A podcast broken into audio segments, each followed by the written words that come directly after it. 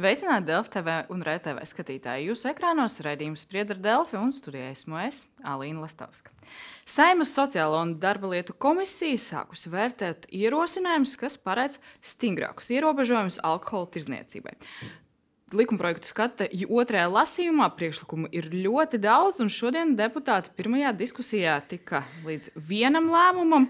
Tas paredz, ka alkoholu varēs iegādāties no 12, no 20, nevis 18 gadu vecumā, kā tas ir pašlaik. Priekšā vēl plašas diskusijas, ierosinājumi, un pret daudziem no tiem nozare iebilst. Par šiem argumentiem un arī pašiem priekšlikumiem, kas vērsti uz alkohola patēriņa samazinājumu, šodien arī diskutēsim šajā raidījumā.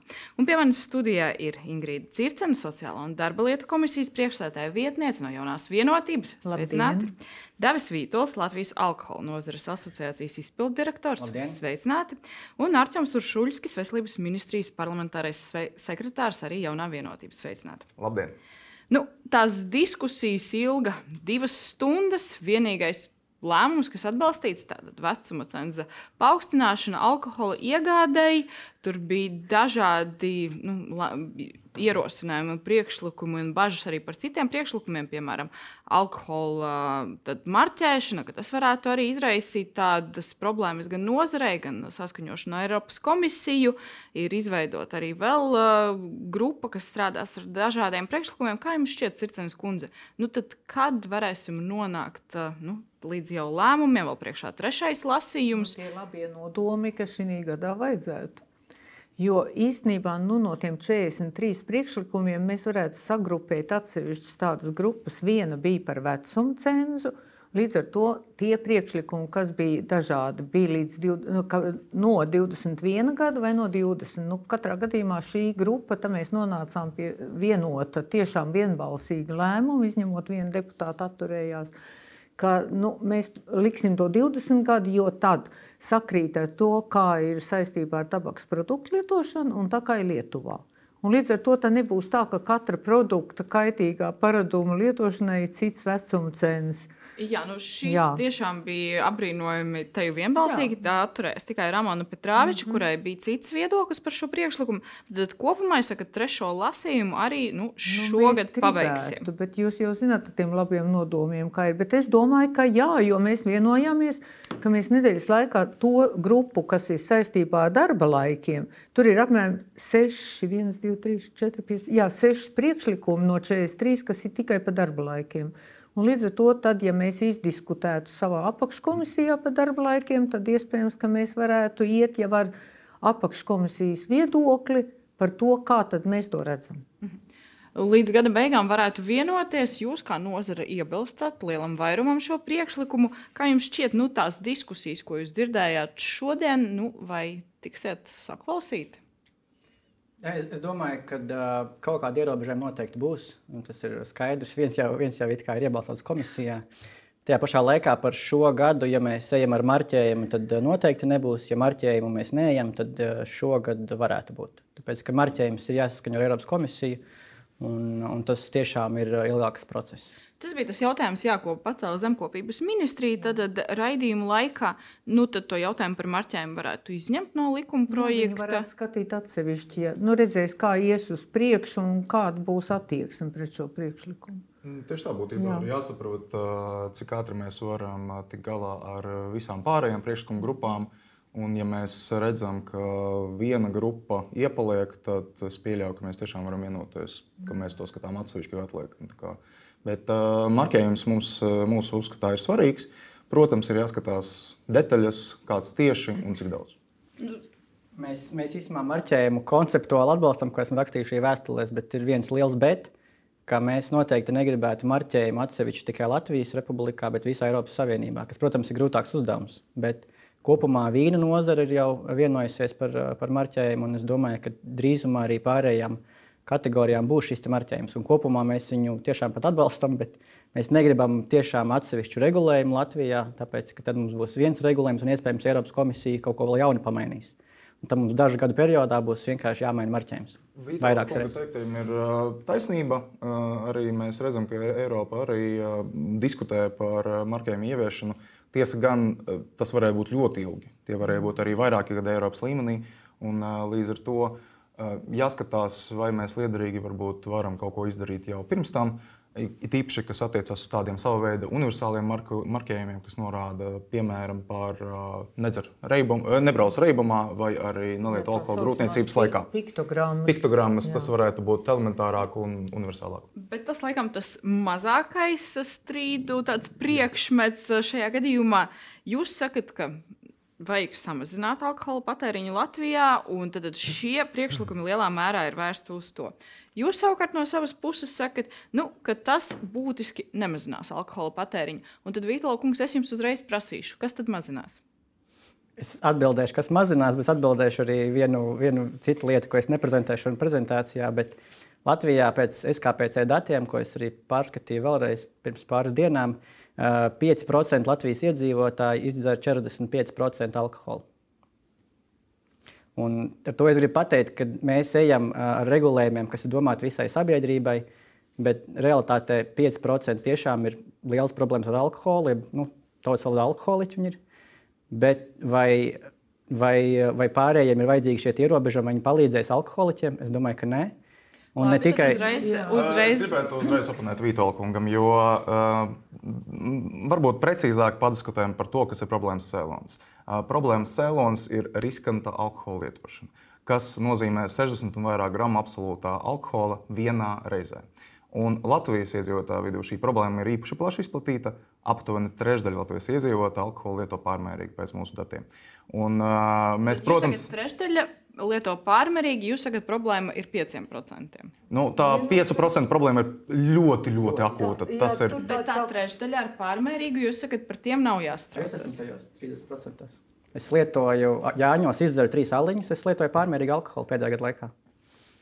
Labi, mēs nesāksim laikam par šo, kurš cik lieto, bet labi, tā, jūs sakat, ka tā, tā statistika, kas iekļauj, kas tiek uzskatīts par pārmērīgu, jūsuprāt, Nu, tas nē, tas tā man, nav liela problēma. Manuprāt, nā, nē, tā ir problēma. Manuprāt, nav korekti skatīties pēdējā gada laikā, jo tā statistika ir pēdējā gada laikā cilvēks, kas ir lietojis vairāk par uh, piecām vienībām. Un, uh, pēdējā mēneša laikā tie ir 11%, uh, un, ja nemaldos, pēdējā nedēļas laikā tie jau ir kaut kādi 4-5%, kuri kā, tiešām ir hroniski alkoholiķi. Jā. Mēs jau gan divas stundas diskutējām, bet man gribētos tomēr piebilst vienu teikumu. Ja jūs, Vitola kungs, domājat, ka tam nav nekāda nozīme, tad kāpēc jūs pretojaties? Ja jau nav nozīme, tad jūs domājat, ka to alkoholu mazāk nepatērēs. Jūs sakat, vienalga, ko ierobežot, dzer tikpat. Nu, nav tā. Mēs redzam, ka Lietuvā kā izmainījās alkohola patēriņš un kā samazinājās avārijās cietušo skaits tie, kur nonāca delīrijā, reanimācijā, ar visu to mēs redzam to rezultātu. Mēs vienkārši ejam to pašu ceļu, jo arī jūs savā prezentācijā teicāt, ka ir vajadzīgi līdzīgi noteikumi visās valstīs. Mēs tagad pielīdzinamies Lietuvai. Mums iespējams sekos Igaunija, jo mēs esam kaimiņu valstis. Un līdz ar to vienam ir jābūt tajā dzērvju kāsītam, kas iet pa priekšu. Nu, no mums trīs valstīm tā šodien ir Lietuva. Un mēs redzam, ka tas strādā. Viņi no pirmās vietas jau ir pakāpušies uz nākamo. Jā, lūdzu, Vito. Jā, es, es, es aizmirsu, gribēju pirmo atbildēt. Es, es nepretojos tiešām visam. Es, es tiešām mēs kā nozare, uh, man ir arī vēlme, ka mēs šo jautājumu diskutētu teiksim, civilizētāk pēc gadiem, pieciem, septiņiem, četriem, kad nākamreiz būs nākamais, visticamāk, rauns, ka mēs mazināsim alkoholisko dzērienu patēriņu.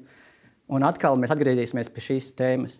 Tāpēc vismaz no manas, manas prizmas, ko es arī šodien komisijā prasīju, eh, būtu liela vēlme, ka mums būtu izteikti konkrēti kriteriji, kas mums jāsasniedz.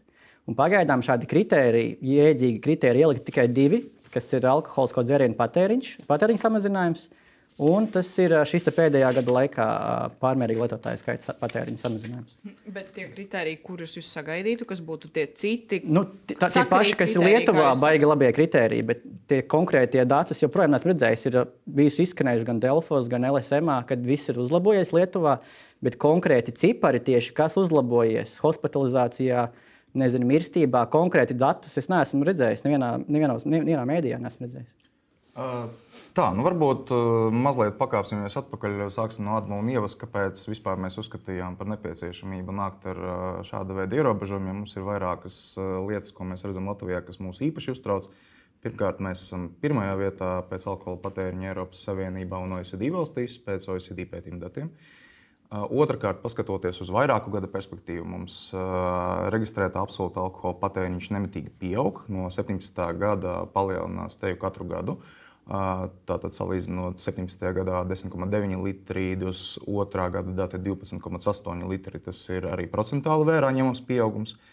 Mums pieaug mirstība no slimībām, kas tieši saistītas ar alkohola lietošanu. Mums pieaug mirstība no slimībām, kas daļai saistītas ar alkohola lietošanu. Mums pieaug arī alkohola radītā kaitējuma izdevuma valstī. Un, šie ir tie rādītāji, kas mūs nevar neuztraukt. Un, mēs skatāmies uz Pasaules veselības organizācijas teikto, Un tas, ko viņi saka, un tas, ko tās valstis, ko viņi analizē, arī pierāda to, ka pieejamības samazināšana tiešā veidā ietekmē šo kritēriju uzlabošanos. Jūs sakat, ka pieejamības samazināšana neuzlabo šos kritērijus. Es, es drīzāk gribētu, es, mēs pēc saviem datiem, ko mēs redzam kopumā, jā, mēs tā, mēs tā neuzskatām, ka samazina. Bet es pieļauju, ka kaut kāda ierobežojuma būs. Tādēļ es vēlētos, lai nākamajā reizē mēs tiešām varētu atskatīties atpakaļ un izvērtēt. Tāpat naktas tirdzniecība aizliegta 2001. gadā, alkohola patēriņš palielinājies. Vides reklāmas aizliegts 2013. gadā, alkohola patēriņš palielinājies. Es gan pats to apgāzīšu mazliet savu argumentu un pastāstīšu, kāpēc tas alkohola patēriņš ir palielinājies. Viņš palielinājies tādēļ, ka mums 2008. un 2009. gadā bija krīze, un tika pacelta akcijas viena gada laikā par 40%, un izveidojās nereģistrētais tirgus 40% stipriem dzērieniem. Un kopš tā laika šis tirgus ir legalizējies. Un šobrīd mums ir vēsturiski zemākais nelegālais tirgus pēdējo 10, 12 gadu laikā. Iznācām no ēnu ekonomikas, un tas ir tas, kāpēc pieaug dati, jūsuprāt, par patēriņu. Bet par uh, mirstību arī es gribu pie, piebilst, ka uh, jā, tā ir taisnība. Uh, Covid laikā un, un arī Ukraiņas kara laikā, diemžēl, ir palielinājies pārmērīga alkohola lietotāju skaits. Tā ir taisnība. Bet līdz Covid laikam un līdz karam Ukrainā, Ukrainā šis skaitlis samazinājās. Ne. Nekādā gadījumā šobrīd nodarbojaties ar demagogiju. Es jums iepriekšējā komentārā ļoti precīzi norādīju statistiku no 17. gada, kas bija trīs gadi pirms Covid. Un uh, alkohola patēriņš nemitīgi auga katru gadu. Lūdzu, nemelojiet. Un, uh, un par Lietuvu. Jūs pieteicāt Lietuvu. Uh, jūs pieteicāt to, ka jūs neredzat statistiku. Ļoti konkrēta statistika, kā Lietuvā ir samazinājies dažādi rādītāji. Tātad gan noziegumi, samazinājies uh, salīdzinājumā ar iepriekšējiem gadiem noziedzīgo nodarījumu skaits, kurus izdarījušas personas alkohola reibumā, mazinās par vairākiem procentiem gadā. Uz teiksim, 22. gadā Lietuvā uz pusi samazinājies nelaimes gadījumos darbā bojā gājušo skaits, kas bija alkohola reibumā. Uz pusi. Salīdzinot ar 21. gadu, 22. gadā dzērāju šoferu izraisīto satiksmes negadījumu skaits samazinājies Lietuvā par 2,7%. Uh, un, uh, tie ir diezgan konkrēti rādītāji. Lūk. Jā, bet arī es uh, gribētu pie, pieminēt par tiem konkrētajiem kritērijiem, uz ko mēs tiektos. Nu, man, mm. man gribētos, lai mēs tajā Eiropā tiektos uz to, kas, piemēram, Islandē ir 7,2 patēriņš vai 7,4 litri tīra alkohola no 15 gadu vecuma, un pat tādā vīna valstī kā Itālija 7,7, jo mums ir 12,8 vai 12,2 teiksim, samazinājumu. Ne, Vai... mēs, mēs, protams, gribētu, lai mēs lietojam kā Indo, Indonēzijā 0,1, bet eh, nu, tā reāli mums ir vienkārši jāpieņem tie mēri, kā mēs varam samazināt to patēriņu. Jo, ja runā par to ietekmi, tas jau nav tikai tas, ko mēs te sakām par tiem dzērāju šoferiem vai ko, bet tā ir vesela sistēma, kura ir alkohola ietekme, sākot ar grūtniecību grūtniecības komplikācija, kur piedzimst bērni jau ar alkohola sindromu. Tad nāk bērniem mācīšanās traucējumi, mums ir maz izglītoti bērni, mums ir uh, šie vecāki visu nodzer, ģimenē sākas vardarbība, tad ir jāuztur viss. Vis, tā ķēdīte, jā, tā ķēdīte aiziet, un tas kopumā sastāv 600 pār miljonus. Es sapratu, ja jums replika. Un... Man ir pārāk daudz replika, bet es mēģināšu kādu konkrētu. Uh, Labi, par cik uh, ierobežojumu mēs, mēs ieviesīsim ierobežojumus, par cik šis viss samazināsies? Jums ir aprēķini konkrēti, kurā gadā par cik samazināsies kaut kas? Uh, nu, protams, uh, tādu simtprocentīgu prognozi izteikt nevar, bet uh, gadījumā, ja mēs beigās izvēlēsimies līdzīgus ierobežojumus, kā Lietuva ieviesa, kas lielā mērā tā arī ir no tiem priekšlikumiem, tas varētu izrietēt, tad mēs varētu skatīties, prognozēt aptuveni tādus pašus rādītājus, ko sasniedz Lietuva. Un uh, ir vēl viena lieta, kas, nu, ko viņi izdarīja tieši pieejamībā, samazināja 4 stundas to pieejamību, nopērkot uh, darba dienās, svētdienās par 9 stundām. Uh, Un, tas, ko viņi panāca no 18. gada, ir tas, ka vidēji akūto alkohola saindēšanas gadījumu skaits vīriešiem samazinājās par 20% svētdienās. Tas ir diezgan vērā ņemams cipars. Kopumā nedēļas ietvarā par 12%, kas arī diezgan daudz. Un, uh, tad mēs skatāmies arī starptautiski arī uz PVO pētījumiem. Uh, tieši par ierobežojumiem tirgot alkoholu vakarā stundās. Viena papildu alkohola tirdzniecības stunda vakarā katru dienu uh, tātad palielina patēriņu par 7,7%. Tātad mēs noņemam 7,7% pa vienu stundu. Jūs, man patīk, ka mēs runājam par vienu un to pašu, bet katrai pusē ar ļoti līdzīgiem cipariem, bet argumenti ir pilnīgi pretēji. Jūs, Vīto kungs, noteikti sakat, ka tā nav.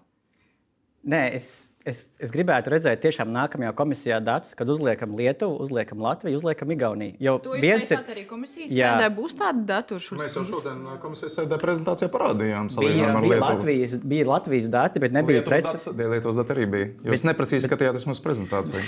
Sa saliekat lūdzu vienādas datus vienā tabulā, lai mēs varam redzēt, kā atšķirās Latvija, Lietuva, Igaunija. Tas ir tieši ļoti vienkārši. Nu, Varam tā izdarīt. Nu, būs tā uzskatām arī nozarē, lai viņi pārliecinās, vai jums šķiet, ka no, tas ir vienkārši nu, nozare. Nezinu, izliekas, ka nesaprot, ka tā ir tāda retorika. Man nu, liekas, kas ir? Tiešām nozara šobrīd izliekas, ka nesaprot, jo mēs arī um, parādījām atšķirības prezentācijā, bet uh, mēs dzirdam jūs, mēs savā mājā padomāsim, kā varbūt var uzskatāmāk parādīt mūsu datus, ko mēs jau rādījām. Paldies! Paldies.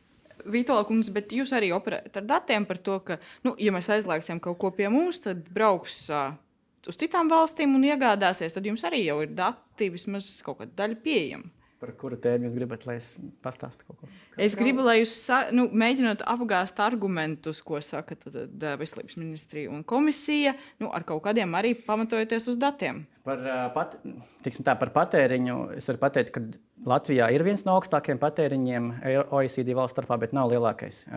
Tāpēc, kad mums ir liels pierobežu tirdzniecības apjoms, un to var arī redzēt komisijas vēstulē, ko atsūtīja pierobežu tirgotājs Sijā Aldara Tur redzami konkrēti cipari, kurā gadā cik kas ir pārdots. Tas ir viens no lielākajiem. Šeit, bet uh, nedzeram mēs. Tas ir Deviņ, tas, 95% no tā apgrozījuma, kas tur ir, tas ir ārvalstu turisms. Tur. Jūs sakat, ka mēs, protams, uzskaitīt datus arī bez turistiem. Mums ir, mums ir arī tādas metodoloģijas, bet, ja mēs runājam konkrēti par OECD datiem, varbūt būsim precīzi. Katrā OECD valstī pastāv pierobežu tirniecība. Tieši tāpat lietuvieši brauc uz Poliju pēc alkohola, tieši tāpat brauc tur Rietumē, Eiropā un tā tālāk. To mēs varbūt lineāri katrai valstī salīdzināt nevaram, bet, ja mēs paskatāmies OECD statistiku, mēs esam pirmajā vietā. Bet, ja mēs runājam vēlreiz, jūs sakat, tas mans pirmais jautājums jums bija Vītola kungs, nu jūs sakat, ka šīs nemazina, tad kas mazina? Izglītība. Izglītošana izglītošana par tām veselības problēmām. Circenes kundze pieminēja Itāliju. Itālija ir mans mīļākais piemērs. Es biju ļoti priecīgs par Itāliju. Itālijā ir zemāka akcijas kā Latvijā. Itālija ir vīna valsts. Itālijā vīnam akcijas ir nulle. Itālijā neviens no šiem ierobežojumiem praktiski nav. Eh, kaut kas laikam ir pa benzīna tankiem. Itālijā var nopirkt alkoholu 24,7, cik es zinu.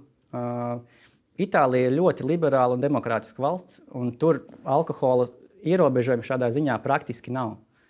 Un, uh, Un, un, un tas, tā ir tā atšķirība, ka Itālijā 1960. gadā, kas ir 60 gadu lielā vēsturē, šīs patēriņš bija aptuveni 20 litri pirms 60 gadiem, un šobrīd viņam ir 7 litri. Viņa priekšā ir Zviedrijai un Somijai. Un Itālijā, kas pats svarīgākais, viņiem ir uh, pārmērīga alkohola lietotāju īpatsvars, ir vismazākais Eiropā - 1%. Tiesnesis kundze, jūs arī pieminējāt Itāliju. Nu, ja saka, ka tur nav ierobežojumi, ko no turienes varbūt varam pārņemt? Ne, nu, veselības mācība jau es runāju 15, 20 gadus, kad uh, vajadzētu jau sākt ar bērnu dārzu. Jā, jā tāpēc, ka neapšaubām mums ir ārkārtīgi zema veselība pratība. Vienalga, kurā jautājumā mēs skatāmies, veselība pratība Latvijā ir tuvu nulēji. Sākot ar mazgāšanos, zobu tīrīšanu, pareizu ēšanu, fiziskām aktivitātēm un, protams, arī alkoholu un smēķēšanu un vispārējo. Mums veselība pratība ir ļoti, ļoti slikta. Tad tas bet, arī varētu bet, mu, jā, protams, bet nu, pilnīgi noteikti jebkurš ierobežojums samazina patēriņu. Jo nu, diezgan droši, ka nebrauks no Latvijas vidienes pēc pāris pudelēm alkohola tagad uz citu valsti. Nu, nebrauks. Viens aizbrauks, kas dzīvo pierobežā, bet ne, nebrauks masā.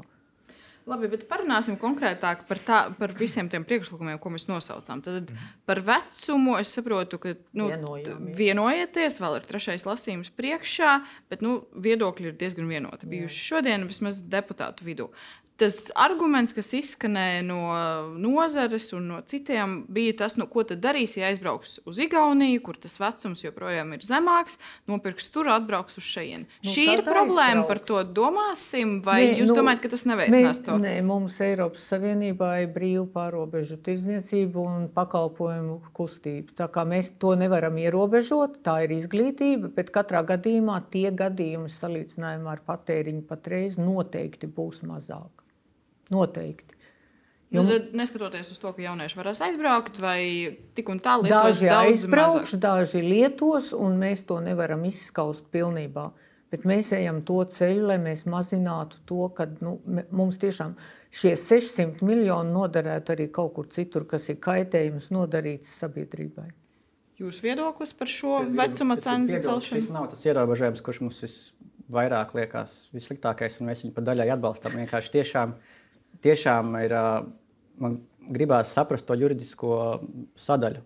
Tīri cilvēcīgi, no, no tāda racionālā viedokļa puses, mēs kā nozara tur lielu, lielu sliktumu neredzam šajā priekšlikumā. Laikam jūs redzat lielāku sliktumu tirzniecības ierobežojumos. Runa bija viens no priekšlikumiem, ir nepārdot alkoholu jau no astoņiem vakarā, kas bija cepurīša kungam. Ir runa arī par svētdienu, ir runa arī par citiem laikiem. Tas ir pret ko jūs tā stingri iestājaties. Tas ir jā, ko, pret ko mēs stingri izturamies. Un tie jūsu argumenti? Daudz un dažādi. 2001. E, gada naktstirdzniecības aizliegums patēriņš palielinājies. E, mūsu aptaujā Latvijas iedzīvotājiem, ka 57% iedzīvotāji, kas Latvijā lieto alkoholu, ir mājās jau alkoholisko dzērienu krājumi. Tad viņiem ir savs privātais bārs. Uh, protams, arī nelegālā tirzniecība palielināsies. Bija aizliegtais paņēmiens nevis pagājušais, bet vēl pirms pagājušais, kur bija redzams, ka taksisti tirgo alkoholu naktas stundās. Un tā tālāk, tajā pašā laikā arī svētdienu tirzniecība noteikti atstās ietekmi uz valsts budžetu. Tāpēc, ka tur nāk uh, pierobežu turisti iegādāties pārsvarā alkoholu tieši sestdienās un svētdienās. Un uh, noteikti kaut ko aizmirsu, bet īsumā. Jā, es gribētu piebilst pie šī. Nu, šo arī Veselības ministrija prezentēja komisijas sēdē par šiem ierobežojumiem, kas mainās. No tā brīža, kad Lietuva ieviesa ierobežojumu svētdienās tirgot līdz 15, tad viņiem svētdienās ir mazinājusies mirstība no ārējiem faktoriem vīriešu vidū, tā skaitā dzērumā sasistas mašīnas un nositušies cilvēki nerunājot par multitraumām uh, un, un dažādām citām slimībām. Uh, pirmdienās ir mazinājusies vīriešu mirstība no sirds asinsvadu slimībām, tā kā sākas pohus un viņi nevar no rīta salāpīties. Tā kā līdz ar to mēs redzam, ka katrs tas ierobežojums strādā vienā tajā sadaļā. Un, ko jūs sakat, privāts bārs, tas nozīmē, ka tas, kurš veidos to privāto bāru, viņš jau pie jums nopirks to. Mēs runājam par sekām. Jūs runājat par peļņu. Mēs saprotam jūsu nostāju, jo tas ir normāli, jums tas ir bizness. Bet mēs runājam par to, ka tas cilvēks jā, arī nopirks to pašu alkohola apjomu, kad viņš tajā svētdienas pēcpusdienā neies uz to veikalu. Un kad mēs samazināsim tāpat kā Lietuvā mirstību no ārējiem faktoriem, un pirmdienām samazināsies visas šīs slimnīcas. Aiziet uz vienu lielās slimnīcas uzņemšanu, jūs redzēsiet, ka puse no no tiem, kas tur ir nonākuši, ir alkohola reibumā. Un tie, kuri, kuriem vajag reāli neatliekamo palīdzību, viņi jau netiek klāt. Circenes kundze, es tūlīt parunāsim vēl par šo sīkāk, bet Circenes kundze, nu, tie priekšlikumi ir daudz un dažādi. Es saprotu, jums ir nedēļa laika, lai izvērtētu un vienotos par tādu kopīgu Div, nostāju. grupām. Jā, bet jūsu ieskatā, nu, kas būtu optimālākais no tiem priekšlikumiem? Jūs varat pateikt, netirgojam svētdienās, tirgojam līdz astoņiem vakarā darba dienās. Kas jūsuprāt? Jā. Es domāju, ka ierobežojumu šī aizlieguma laika pa paplašināšana ir to vērta. Jo uh, tie, kuri gribēs, viņi jau līdz tiem astoņiem nopirks. Un no rīta es ne, nezinu, varbūt tirgotāji var pateikt, ka laika periodā no 8 līdz 10 kāds ir viņu ienākumu apjoms no alkoholiskiem dzērieniem. Tie ir tikai tie, kuri ir ļaunprātīgi lietotāji. Normāls cilvēks pirmdienas rītā astoņos neiet pirkt šņabi pudeli. Nu, pavisam godīgi no sadzīves. Līdz ar to, ja mēs eh, šo ierobežojumu uzliekam, tad tie ir tie, kuri ir riska grupa, ka viņiem vajag pēc astoņiem vakarā vai astoņos no rīta. Mēs samazinām pieejamību riska grupai. Tas pats ir par svētdienas pēcpusdienām. Svētdien, piekdiena, sestdiena iet un līdz astoņiem pērk savu alkoholu, iet ciemos un, un, un svētkus svin un visu pārējo. Svētdienas vakarā nav ko vairs svētkus tādā apjomā svinēt, ka tev jāiet pēc pudeles pakaļ. Nu, es domāju, ka tie, kuri plāno pasākumus, var nopirkt arī visās pārējās dienās pietiekami sagatavoties laik, laikus plānojot. Bet, jā. Atbildot uz Vitāla kunga iepriekš teikto, nē, nu, daļai jums taisnība jau ir tajā sadaļā par nodokļu ieņēmumiem un, un tā tālāk, ja mēs ieviesim kaut kādas ierobežojumus. Bet, protams, kā jebkuriem, jebkurām izmaiņām, te ir divas puses. Piemēram, mēs arī veicām pētījumu par alkohola lietošanu Veselības ministrijā par alkohola lietošanu radītām sekām un profilakses ekonomiskiem iegūmiem. Mēs redzam, ja mēs ieviesam ierobežojumus, mēs sagaidām valsts izmaksu samazinājumu par aptuveni 10-12 miljoniem eiro. Saistīts ar dažādām lietām, rehabilitācija, slimnīcas, slimību ārstēšana, zāles un tā tālāk. Eh, tas ir eh, atcerams iegums. Bet eh, nu, daži, piedošana, daži no jūsu argumentiem tiešām neiztur kritiku. Kaut vai jūs jau vairākas reizes pieminējāt par to, ka nakts aizliegums palielināja patēriņu, bet nu, atvainojos, ņemiet vērā arī to, ka 2001. gadā tas notika. Un pēc tam mēs piedzīvojām vairāku gadu ekonomisko milzu augšupeju. Cilvēkiem palielinājās ienākumi. Un par nelegālo tirgu maza remarka. Lietuvā Pēc visiem šiem ierobežojumiem pēdējo gadu laikā nelegāla alkohola patēriņš bija tiešām salīdzinoši zems, svārsties no 5 līdz, procent, līdz 8% robežai. Nu, es neredzu pamatu skatīties uz mūsu divām valstīm kā ļoti atšķirīgām valstīm. Vitālkungs, jūs sākumā teicāt, nu, ka mums jākoncentrējas uz tiem, kas ir pašā lielākā riska grupā, tie, kur ļoti pārmērīgi lieto.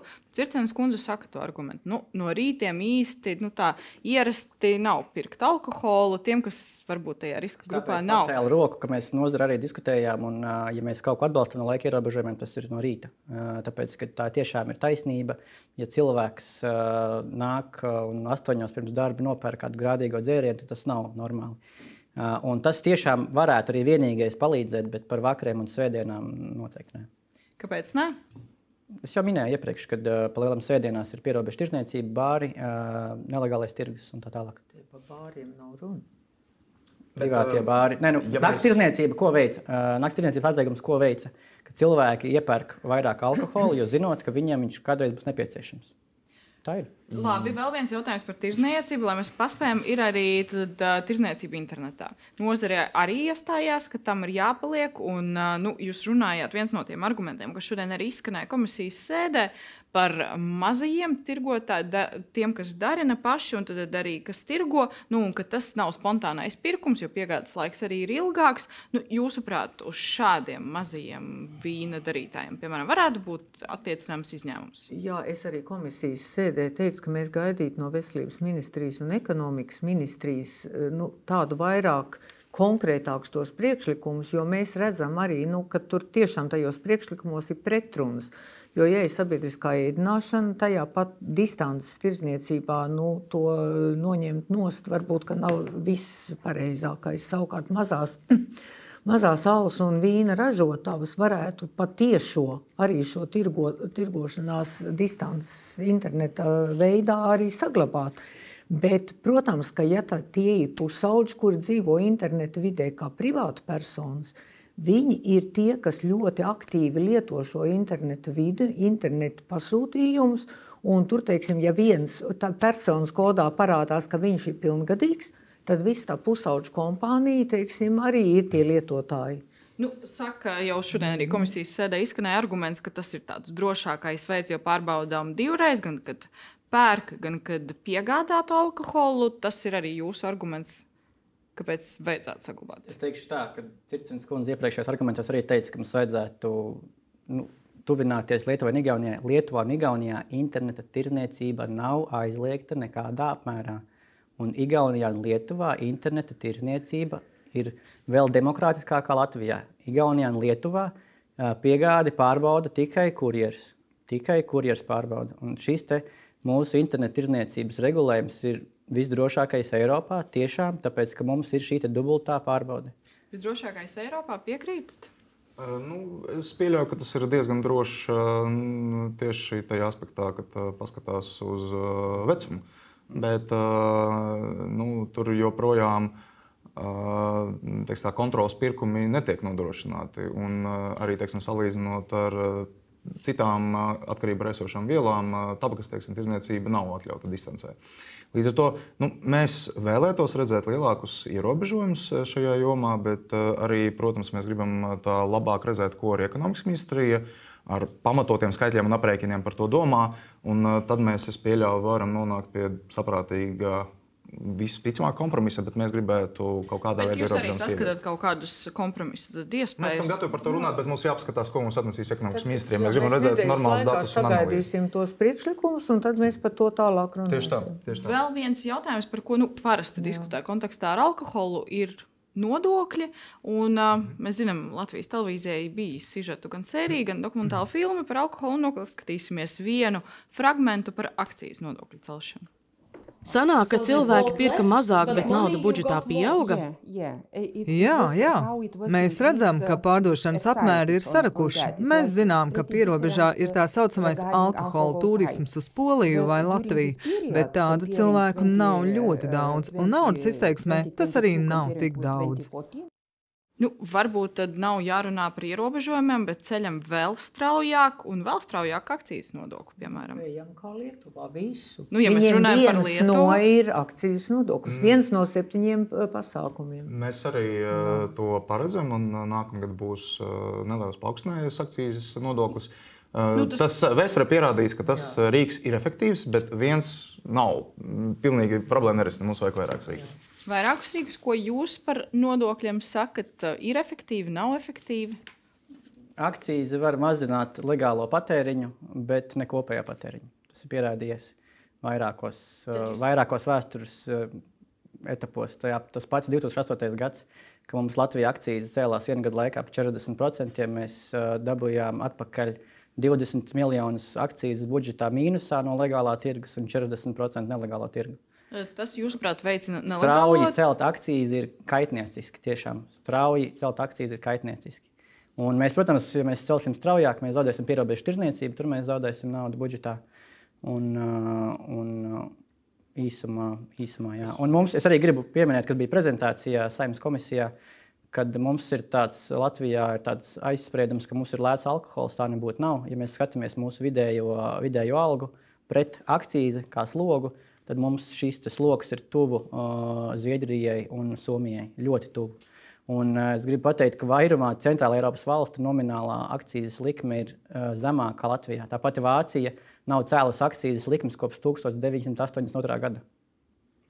Runājot par akciju, nu, viena lieta, ko svarīgi pieminēt, neviens šobrīd nerunā par strauju akciju stāšanu. Mēs to arī nepiedāvājam, un tas nākamā gada budžetā arī nav paredzēts. Uh, Un uh, otrs, nu, es pieļauju 2008. gadu skatīties, tad, kad mums bija uh, ekonomiskās krīzes rezultātā lielākais ekonomikas kritums, ja nemaldos, vispār visā pasaulē. Nu, varbūt nav ļoti objektīvi skatīties tieši to gadu, jo, protams, uh, ekonomikas situācija mainījās tik strauji, ka ļoti daudz procesu mūsu valstī mainījās.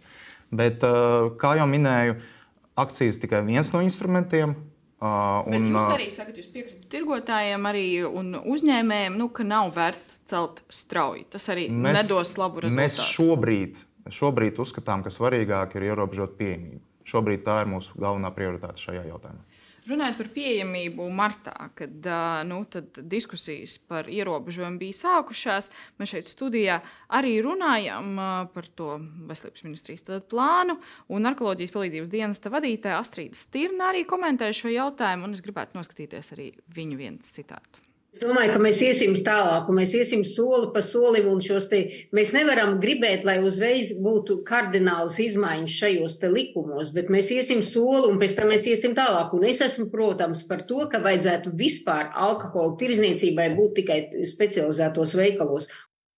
Respektīvi, pašlaik ir daļa priekšlikumu, redzēsim, protams, kā ar tiem virzīsies, bet tad novērtēsim rezultātus un domāsim vēl par stingrākiem ierobežojumiem. Kāds ir tāds nu, ilgtermiņa redzējums no veselības kopumā, ministrijas? Jā, kopumā jā, jo e, mums jau diezgan ilgu laiku nav, bijuši, nav bijušas lielas izmaiņas šajā jautājumā. Mums ir tiešām jāpanāk, jāpaskatās, kā tās strādā. E, jāpaskatās, vai mēs ar šiem ierobežojumiem, par ko mēs vienosimies šajā procesā, vai mēs varam sasniegt vērā ņemumus uzlabojumus sabiedrības veselībā, un uh, visos ar alkoholu saistītos rādītājos. Un, nu, ja tas līdz galam nestrādā, tad jāskatās, protams, jārevidē.